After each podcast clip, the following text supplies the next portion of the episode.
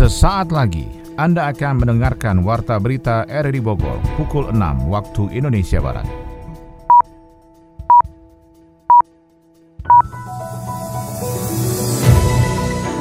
Selamat pagi dan salam jumpa. Warta Berita RRI Bogor kembali hadir untuk Anda edisi pagi ini Jumat tanggal 27 Agustus 2021. Siaran Warta Berita ini bisa Anda dengarkan melalui audio streaming di aplikasi RRI Play dan juga bisa Anda dengarkan lewat radio Tegar Beriman yang juga menyiarkan siaran kami. Berikut kami sampaikan berita utama tentang Indonesia menduduki peringkat ke-6 dunia berdasarkan jumlah orang yang telah divaksin dan peringkat ke-7 dunia dalam hal dosis vaksinasi COVID-19. Penurunan kasus sangat berhubungan dengan jumlah orang yang diperiksa sehingga kami selalu mendorong provinsi, kabupaten, dan kota untuk terus meningkatkan testing di wilayahnya masing-masing. Bupati Bogor Ade Asim berharap target vaksin untuk ibu hamil se-Kabupaten Bogor tahun ini sebanyak 120 ribu orang. Di bawah 13 minggu itu belum boleh karena itu kan belum mungkin masih rawan ya. Lalu ada gejala-gejala seperti kaki bengkak, nyeri ulu hati, sakit kepala hebat, lalu tinggi tensi darah di atas 140 itu belum boleh. Jadi bisa ditunda. Objek wisata di kawasan Puncak Bogor akhirnya dibuka untuk umum dengan pembatasan 50% jumlah pengunjung. Nah itu belum boleh gadok keluar gadok itu sudah kita ketat memang tidak hanya untuk masuk ke sini tetapi untuk ke seluruh tempat yang ada di puncak ini. Bersama saya Maulana Isnarto, inilah Warta Berita selengkapnya.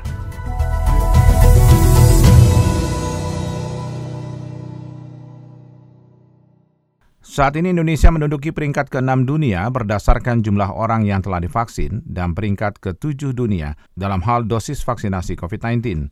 Lebih dari 57,78 juta penduduk Indonesia telah divaksin, baik vaksin dosis pertama maupun kedua. Sementara untuk dosis dosis Indonesia telah menyuntikkan 91,2 juta dosis vaksin sampai dengan tanggal 24 Agustus kemarin. Hal itu disampaikan jubir vaksinasi COVID-19 Kementerian Kesehatan Dr. Siti Nadia Tarmizi dalam keterangan pers di Media Center KPC PEN, Komite Penanganan COVID-19 dan Pemulihan Ekonomi Nasional di Jakarta Rabu sore. Dr. Siti Nadia menambahkan Indonesia juga berhasil menurunkan laju penularan COVID-19 sebanyak 34 persen dibandingkan minggu sebelumnya, sedangkan jumlah kematian turun 16 persen dibanding minggu lalu. Penurunan kasus signifikan ini terutama terjadi di Provinsi Papua Barat, Maluku, dan Jawa Tengah dengan persentase penurunan kasus tertinggi dibandingkan minggu sebelumnya.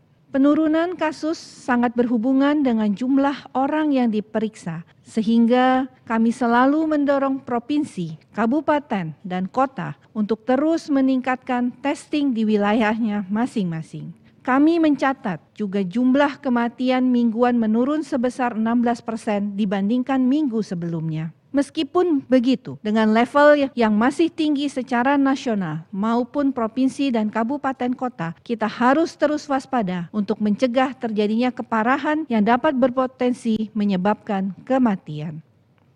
Dr. Siti Nadia Tarmizi juga menyampaikan bahwa penurunan kasus sangat berhubungan dengan orang yang diperiksa, sementara tercatat 8 provinsi yang belum mencapai testing rate WHO, yaitu Aceh, Bengkulu, Lampung, Jawa Barat, Nusa Tenggara Barat, Sulawesi Tenggara, dan Sulawesi Barat. Kita ke Bogor, kali ini soal Bupati Bogor Ade Yasin berharap target vaksin untuk ibu hamil sekabupaten Bogor tahun ini sebanyak 120 ribu orang. Yofri Haryadi melaporkan. Menurut data Dinas Kesehatan, bahwa yang terkonfirm COVID-19 tahun 2020 sebanyak 326 orang dan tahun 2021 sebanyak 542 orang baru sampai bulan Juli. 100 ibu hamil berkumpul di halaman Rumah Sakit Umum Daerah Ciawi, Kabupaten Bogor sebagai penerima awal vaksin COVID-19 khusus untuk ibu hamil. Pemberian vaksin untuk ibu hamil tersebut diperuntukkan bagi mereka dengan usia kandungan di atas 13 minggu dan dari data yang dipaparkan Kepala Dinas Kesehatan Kabupaten Bogor Dr. Mike Kaltarina pada tahun 2020 jumlah ibu hamil yang positif COVID sebanyak sebanyak 325 orang dan pada 2021 per Juli terakhir ini ada 542 orang ibu hamil dan positif COVID-19.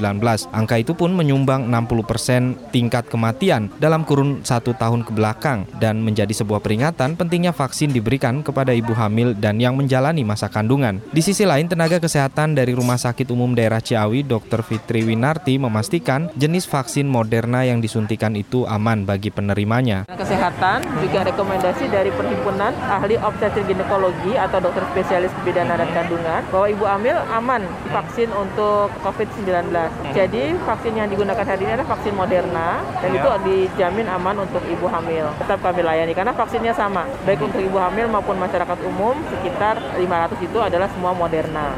Dan ini nanti ulang kembali yang kedua dengan Moderna kembali. Ini di launching pertama untuk level Kabupaten Bogor dan diikuti nanti di semua serentak di semua tempat diperbolehkan ibu hamil untuk divaksin. Selain 100 ibu hamil, panitia penyelenggara vaksin massal di RSUD Ciawi juga memberikan dosis vaksin kepada 400 penerima dan 200 untuk keluarga nakes dan masyarakat di lingkar RSUD setempat secara bergantian untuk mengurangi kerumunan. Bupati Ade Yasin berharap target vaksin untuk ibu hamil sekabupaten Bogor tahun ini ada 120 ribu orang. Kegiatan itu pun akan berlanjut dengan program vaksinasi massal di 101 puskesmas dan pelayanan kesehatan di seluruh Kabupaten Bogor. Jadi vaksinasi ini tidak hanya dilakukan di sentra vaksinasi seperti ini rumah sakit yang hari ini karena launching jadi massal, tetapi selanjutnya bisa dilaksanakan di puskesmas, puskesmas terdekat, di pasien kes terdekat atau di rumah sakit rumah sakit terdekat. Gitu. Jadi tidak membolehkan ibu-ibu untuk harus datang lagi ke sini.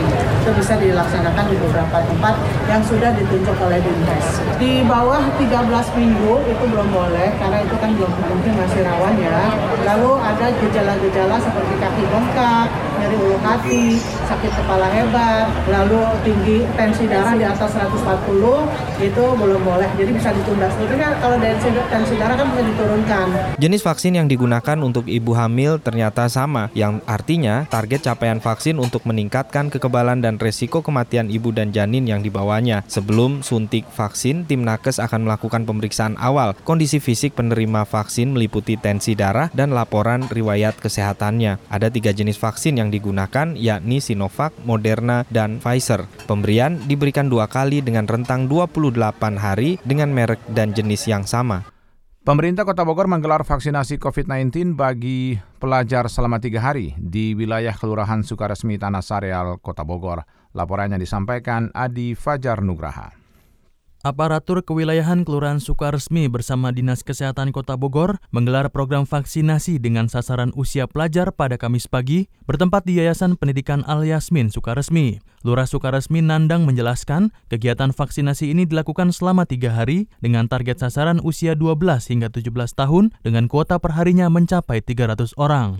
Alhamdulillah lancar, aman, dan tertib. Pesertanya sangat antusias untuk melaksanakan vaksin khusus untuk pelajar usia 12 tahun sampai dengan 17 tahun. Sasaran untuk warga Sukaresmi yang divaksin, kita bagi dulu 8 RW, kita bagi dengan jumlah vaksin 300 per hari. Jadi setiap RW-nya kita kasihkan undangan itu maksimal kurang lebih 28 atau 30 lah.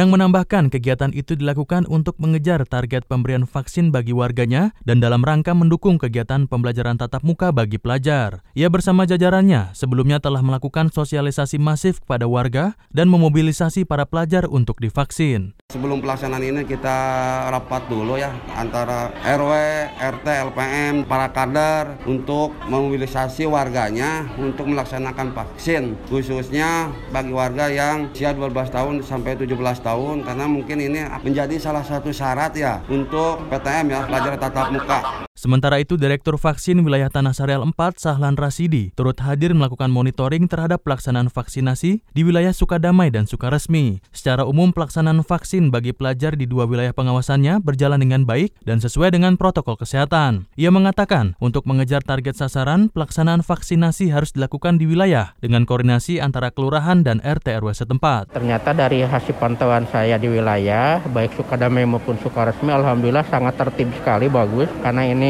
lokasinya yang sangat strategis. Ya mudah-mudahan ini setiap vaksin ini memang harus ada di wilayah. Untuk mengejar sasaran memang harus diserahkan ke wilayah karena kan wilayah lebih hafal ya. Pak Lurah bisa koordinasi Pak RW, Pak RT, LPM ya, para kader ya, kemudian ke sekolah juga sama. Ditemui saat pelaksanaan vaksin, beberapa pelajar mengaku senang mengikuti kegiatan vaksinasi, salah satunya Ramdhani, pelajar MTS Al-Kautsar Sukaresmi. Ia mengungkapkan saat dilakukan vaksin COVID-19, dirinya tidak merasakan sakit. Ia pun berharap dengan divaksin bisa lebih sehat dan kembali melakukan belajar tatap muka di sekolah. Perasaannya setelah divaksin kayak gimana? Biasa aja gitu. Pas divaksinnya sakit nggak? Disuntik ya? Biasa aja gitu kayak digigit semut, sakit dikit doang. Nah, ini kan disuruh nunggu sekitar 15 ya. menit. Ada keluhan nggak? Nggak ada. Nggak ada ya? Nggak ada. Ngajak teman-temannya supaya mau divaksin karena mau sekolah gimana? Diajak aja gitu, biar biar ntar masuk sekolah bisa gitu dirayu-rayu. Kegiatan vaksinasi di Yayasan Pendidikan Al Yasmin Sukaresmi berlangsung selama tiga hari dimulai tanggal 26 hingga 28 Agustus 2021. Pelajar cukup membawa fotokopi kartu keluarga untuk melakukan pendaftaran. Para penyandang disabilitas di Kota Bogor mulai menjalani proses vaksinasi COVID-19 di Kanamaresto di Baranang Siang, Kecamatan Bogor Timur. Kamis ada ratusan disabilitas yang divaksin. Dengan menggunakan dosis Sinovac bantuan dari Uni Emirat Arab, proses vaksinasi itu turut dihadiri oleh staf khusus Presiden Bidang Sosial Angki Yudistia dan Wali Kota Bogor Bima Arya Sugiarto. Wali Kota Bogor Bima Arya mengatakan total ada 600 lebih penyandang disabilitas yang tercatat di Kota Bogor yang akan menjalani proses vaksinasi. Sementara itu, staf sus Presiden Bidang Sosial Angki Yudistia sangat mengapresiasi proses vaksinasi untuk para penyandang disabilitas itu. Kota Bogor mendapat sekitar 1.300 lebih dosen vaksin untuk para penyandang disabilitas dan dosis yang diterima sudah mencapai 54 persen. Angki juga mengatakan Kota Bogor bisa menjadi percontohan kolaborasi gotong royong agar semua bisa membentuk herd immunity. Vaksin COVID-19 yang beredar di Indonesia telah mendapat izin Badan POM untuk memastikan bahwa vaksin tersebut memenuhi standar kualitas dan keamanan. Ketika vaksin COVID-19 disuntikan ke dalam tubuh manusia, vaksin memperkuat sistem imun dengan membentuk suatu memori untuk melawan virus yang menyebabkan COVID-19. Jika orang yang telah divaksin terpapar virus COVID-19, maka sistem imun akan mengenali virus dan merespons lebih cepat dengan menetralkan virus yang masuk ke dalam tubuh. Dengan vaksin, tubuh akan memiliki perlindungan lebih agar tidak jatuh sakit atau menderita sakit yang parah akibat virus COVID-19. Untuk mengetahui informasi seputar vaksinasi COVID-19, dan melaporkan mengenai efek samping pasca vaksinasi, hubungi kontak hotline vaksinasi Kementerian Kesehatan di nomor 119 extension 9. Ayo, sukseskan vaksinasi dan disiplin protokol kesehatan. Lindungi diri, lindungi negeri. Rumor terjadinya peluraran virus COVID dari harimau kepada manusia dibantah dokter hewan Taman Safari Indonesia, Dr. Hewan Bongot. Setelah sempat ramai harimau di kebun binatang Ragunan yang terpapar COVID-19, banyak spekulasi dari masyarakat awam yang khawatir virus COVID-19 pada hewan dapat menular ke tubuh manusia. Dr. Bongo juga mengungkapkan sejauh ini belum ada penelitian apabila virus COVID-19 adalah jenis penyakit hewan atau zoonosis yang menular kepada manusia. Dijelaskan Bongot, manusia dapat menularkan virus COVID-19 kepada hewan, namun dari hewan yang ditulari tidak akan menularkan kembali pada manusia lainnya. Di Amerika, kemudian di India singa dan harimau juga sudah pernah kena gitu ya. Untuk mencegahnya di sini gimana? Kita tetap melakukan protokol kesehatan ya artinya semua perawat satwa bahkan yang menangani satu satwa yang memiliki sensitivitas tinggi terhadap COVID harus tetap menggunakan masker. Hmm. Mereka juga harus dalam keadaan Lebih ke manusianya ya. Betul. Bayi gajah yang itu lah usianya 4 bulan, lahir pada bulan April, berat lahirnya sekitar 80 kilo, merupakan anakan ke-34 di Taman Safari Indonesia. Jenis kelaminnya betina. Ya memang kita secara umum kesulitannya dari segi pakan aja gitu ya. Uh, tapi secara umum kita berusaha untuk meningkatkan kualitas yang baik. Dr. Bongo mengatakan para petugas medis dan zookeeper harus tetap menjalankan prokes saat bersentuhan dengan hewan yang dirawatnya. Pemberian vitamin dan vaksin juga menjadi bagian dalam perawatan hewan koleksi mereka, agar hewan yang dikonversi di lokasi tersebut dapat hidup dan sehat. Terlebih hewan yang berasal dari luar Indonesia membutuhkan daya tahan dan adaptasi lingkungan yang sensitif dengan cuaca di Bogor. Objek kawasan di Puncak Bogor akhirnya dibuka untuk umum untuk pembatasan 50 persen jumlah pengunjung. Yofri Haryadi melaporkan. Objek wisata berbayar di kawasan Puncak Bogor akhirnya dibuka untuk umum dengan pembatasan 50% jumlah pengunjung dari kapasitas maksimalnya. Kondisi ini pun menjadi kabar gembira bagi sejumlah pengelola objek wisata untuk mempersiapkan diri menghadapi libur akhir pekan ini, yang tentunya dengan protokol kesehatan yang ketat dan mensiasati agar tidak terjadi kerumunan, salah satunya larangan untuk nongkrong atau berkumpul di satu titik dalam waktu yang lama. Salah satunya adalah Taman Safari Indonesia. Dalam kunjungan kerja, pemerintah daerah daerah di lokasi wisata itu pun memastikan pengelola objek wisata sudah sangat siap menyiasati ledakan kunjungan agar tidak melanggar protokol kesehatan. Direktur Utama Taman Safari Indonesia Johnson Manangsang memperlihatkan kepada Bupati, Kapolres, dan Kodim tata cara wisata aman COVID di tempatnya. Supaya kita juga ditinjau sebelum kita buka besok, ya ini kita ditinjau dulu apa yang kita aturan-aturannya dari uh, ranjau apa yang kita harus uh, taatin teliti. Nah ini hari juga betul kita kasih lihat bagaimana kita memeliharakan harimau. Itu kan perlu kan makan susu dan semuanya ini yang berat sekali. Dan begitu juga ada orang hutan tadi kita lihat yang masih kecil dan kita lihat juga ke gajah. Nah, anak gajah ini kebetulan dikasih nama tadi kita sudah lihat Monasia yang luar biasa ada artinya untuk Bogor semuanya. Ini sudah berkedang bersaya dan terima kasih selain pemerintah pusat membantu kita dari kehutanan, begitu lingkungan dan begitu juga daripada dukungan Bupati daerah. Wisatawan yang datang hanya diberi kesempatan untuk berkeliling tanpa turun dari kendaraan atau bus yang digunakan, melihat koleksi satwa di objek wisata tersebut. Fasilitas rumah makan dan tempat ibadah dibuka umum, namun show hewan ditiadakan. Pada kesempatan yang sama, Bupati Ade Yasin menjelaskan untuk pengunjung yang belum sempurna divaksin wajib diswab dan rapid test sebelum masuk lokasi wisata. Dan itu sudah dimulai dari gerbang masuk puncak di Simpang Gadok. Jadi masyarakat journey ke sini, tapi kita juga beri, kalau karena, karena ini kan biasanya prosesnya lama ya dari ujung pintu sampai ke akhir pintu. Jadi nanti ada juga ketika mereka mau makan, boleh rumah makan dibuka uh, dengan 30 menit dan masjid ya mau sholat atau mau ke toilet silahkan itu juga bisa dibuka. Jadi nanti ada screening di toilet mau apa tapi kalau untuk nongkrong nongkrong Nah, itu belum boleh gadok keluar gadok itu sudah kita ketat memang tidak hanya untuk masuk ke sini tetapi untuk ke seluruh tempat yang ada di puncak ini punya aplikasi peduli lindungi eh, dan juga kalau tidak belum kalau belum divaksin uh, tes PCR hasil tes PCR itu. Mereka yang datang ke jalur puncak Bogor tidak hanya untuk wisata atau mengunjungi objek wisata, melainkan hanya sebagai perlintasan untuk menuju daerah di timur Jawa Barat. Kasat Lantas Polres Bogor AKP Diki Anggi Pranata meminta kepada pengelola rumah makan dan kuliner serta objek wisata untuk bersama-sama menjaga PPKM di level 3 ini agar tidak terjadi antrian panjang dan kerumunan di jalur puncak Bogor. Kan kita sekarang masih PPKM, kita ya. juga dalam artian menghimbau pada para pelaku usaha juga bantu kita. Hmm. Jangan sampai nanti naik lagi, kita udah hmm. lumayan bagus, Jabar sudah bagus, Bogor terutama juga udah bagus, hmm. jangan sampai meningkat lagi. Hmm. Artinya gimana? Apa yang jadi aturan pemerintah terkait izin dine in berapa hmm. persen di tempat makan itu ditaati malah membludak di tempat-tempat seperti itu. Kalau one way kan itu situasional. situasional. Apa nih penyekatan ya? Iya. Kita kita main dua kali, tapi untuk waktu mungkin kita nggak bisa kita kasih tahu jam-jam oh. berapanya. Hmm. Untuk kebaikan bersama jadi masyarakat ya kita bisa efektif, efisien dan maksimal nyaringnya. Jelang dibukanya objek wisata di kawasan Puncak Bogor, pengelola perkebunan teh Gunung Mas juga telah membersihkan para pedagang kaki lima yang menjamur di sekitar lokasi perkebunan teh hingga perbatasan Cianjur, bahkan memberikan uang kerohiman 5 juta rupiah per pedagang untuk mengosongkan bibir jalan yang dibangun lapak dagangan dan rumah makan kaki lima mereka. Anda tengah mendengarkan Warta Berita RRI Bogor. Dari dunia ekonomi dikabarkan, pemerintah akan memberikan dukungan terhadap investasi di kawasan PT Indonesia Wedabai Industrial Park atau IWIP dan harga emas antam makin jauh dari rekor. Selengkapnya disampaikan Adi Fajar Nugraha. Thank you. Menteri Koordinator Bidang Kemaritiman dan Investasi Luhut Binsar Panjaitan mengatakan, pemerintah akan terus memberikan dukungan terhadap investasi di kawasan PT Indonesia Weda Bay Industrial Park. Menko Luhut saat berkunjung ke kawasan industri Weda Bay Halmahera Tengah Maluku Utara Selasa, didampingi tiga menteri dari Kabinet Indonesia Bersatu, yaitu Mendagri Tito Karnavian, Menteri Perhubungan Budi Karya Sumadi, serta Menteri Agraria dan Tata Ruang Sofian Jalil. Pada kesempatan tersebut, Luhut bersama tiga menteri lainnya menyempatkan menyempatkan diri berkunjung ke sejumlah lokasi dalam kawasan industri, yakni smelter, pembangkit listrik tenaga uap, dan pelabuhan.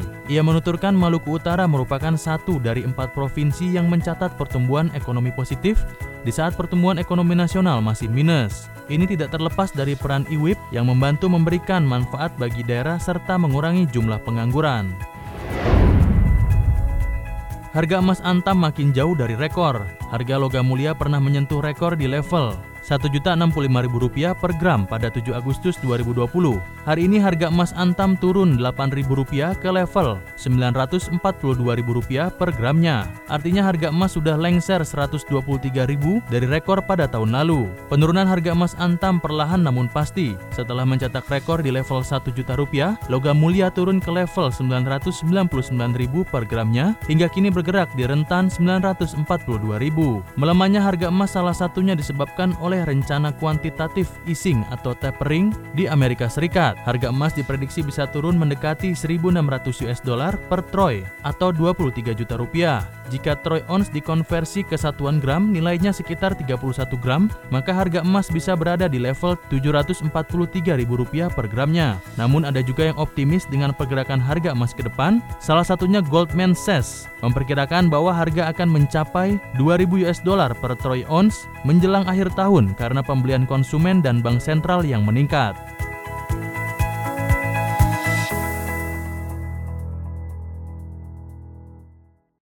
Dari mancanegara, Arab Saudi selasa mencabut larangan masuk bagi warga negara Indonesia dan warga negara asing dari 19 negara lainnya. Ke-19 negara itu adalah Uni Emirat Arab, Libanon, Mesir, India, Argentina, Jerman, Amerika Serikat, Irlandia, Italia, Pakistan, Brasil, Portugal, Inggris, Turki, Afrika Selatan, Swedia, Swiss, Prancis, dan Jepang. Larangan itu diberlakukan pihak negara kerajaan Arab Saudi secara bertahap mulai Februari supaya upaya menekan penyebaran COVID-19. Kendati demikian, Badan Konsulat Kementerian Luar Negeri Arab Saudi memperlakukan syarat masuk yang ketat bagi warga dari 20 negara itu. Badan itu mengatakan pencabutan larangan masuk COVID hanya berlaku bagi warga ekspatriat yang telah diberi vaksin COVID-19 di Arab Saudi. Sebelum mereka pulang ke negara asal mereka, Persyaratan itu tidak berlaku untuk warga negara Arab Saudi diplomat asing, praktisi kesehatan, dan keluarga mereka. Selain itu, para ekspatriat yang ingin kembali ke Arab Saudi harus menjalani semua tindakan kesehatan untuk memastikan mereka bebas dari COVID-19. Larangan masuk itu sebelumnya diberlakukan karena adanya lonjakan kasus COVID-19 global akibat munculnya varian baru dan kekhawatiran bahwa vaksin yang diluncurkan mungkin tidak terlalu efektif untuk menekan mutasi baru. Larangan tersebut juga berlaku untuk pelancong yang telah transit melalui salah satu dari 20 negara itu dalam 14 hari sebelum kunjungannya ke Arab Saudi. Assalamualaikum warahmatullahi wabarakatuh. Saya Arif Satria, Rektor IPB. Mari bersama RRI Radio Tangga Bencana COVID-19.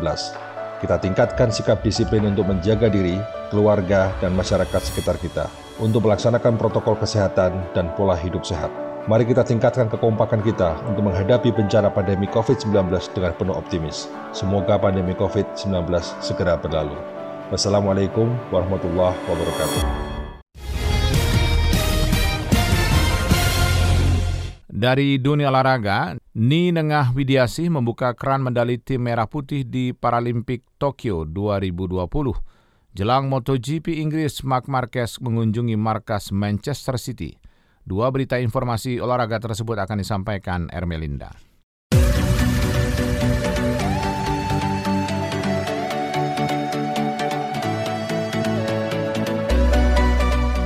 Indonesia meraih medali pertama di ajang Paralimpiade Tokyo 2020, yaitu Ninengah Widiasi yang membuka keran medali tim merah putih di Paralimpiade Tokyo 2020. Ninengah Widiasi yang merupakan atlet para powerlifting atau angkat berat tersebut berhasil meraih medali perak pada pertandingan yang digelar di Tokyo International Forum pada hari Kamis 26 Agustus 2021.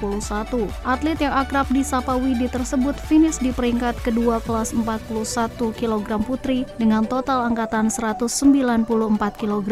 Ninengah Widiasi sukses menyelesaikan dua dari tiga kali percobaan. Dia berhasil melakukan angkatan seberat 96 kg pada percobaan pertama dan 98 kg pada kesempatan ketiga. Sementara itu medali emas menjadi milik atlet asal Cina yakni Guo Lingling dan medali perunggu diraih Clara Sarasi Fuentes Monasterio dari Venezuela. Berkat hasil ini Ninengah Widiasi sukses memperbaiki prestasi yang diraihnya pada Paralimpiade Rio 2016. Pada ajang tersebut Ninengah Angga Widiasi mempersembahkan medali perunggu untuk Indonesia.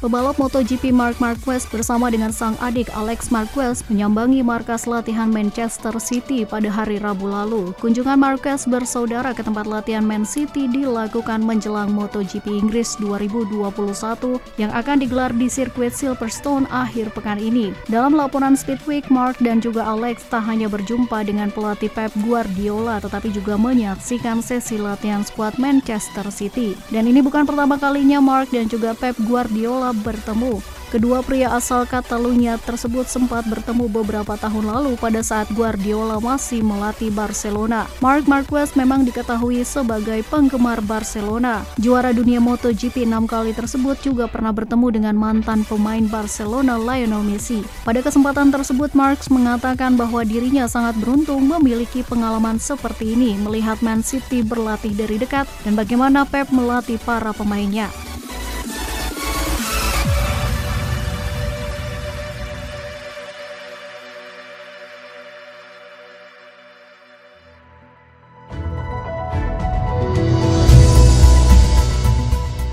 Demikian rangkaian yang kami sampaikan dalam Warta Berita di edisi hari ini. Sebelum berpisah kami sampaikan berita utama. Indonesia menduduki peringkat ke-6 dunia berdasarkan jumlah orang yang telah divaksin dan peringkat ke-7 dunia dalam hal dosis vaksinasi COVID-19. Bupati Bogor Ade Asim berharap target vaksin untuk ibu hamil se-Kabupaten Bogor tahun ini sebanyak 120 ribu orang. Objek wisata di kawasan Puncak Bogor akhirnya dibuka untuk umum dengan pembatasan 50% jumlah pengunjung. Dan siaran ini bisa Anda dengarkan juga lewat podcast audio di Spotify, Anchor, Portal, dan Google Podcast. Mewakili kerabat kerja bertugas yang Sarta mengucapkan terima kasih atas perhatian Anda. Selamat pagi, sampai jumpa.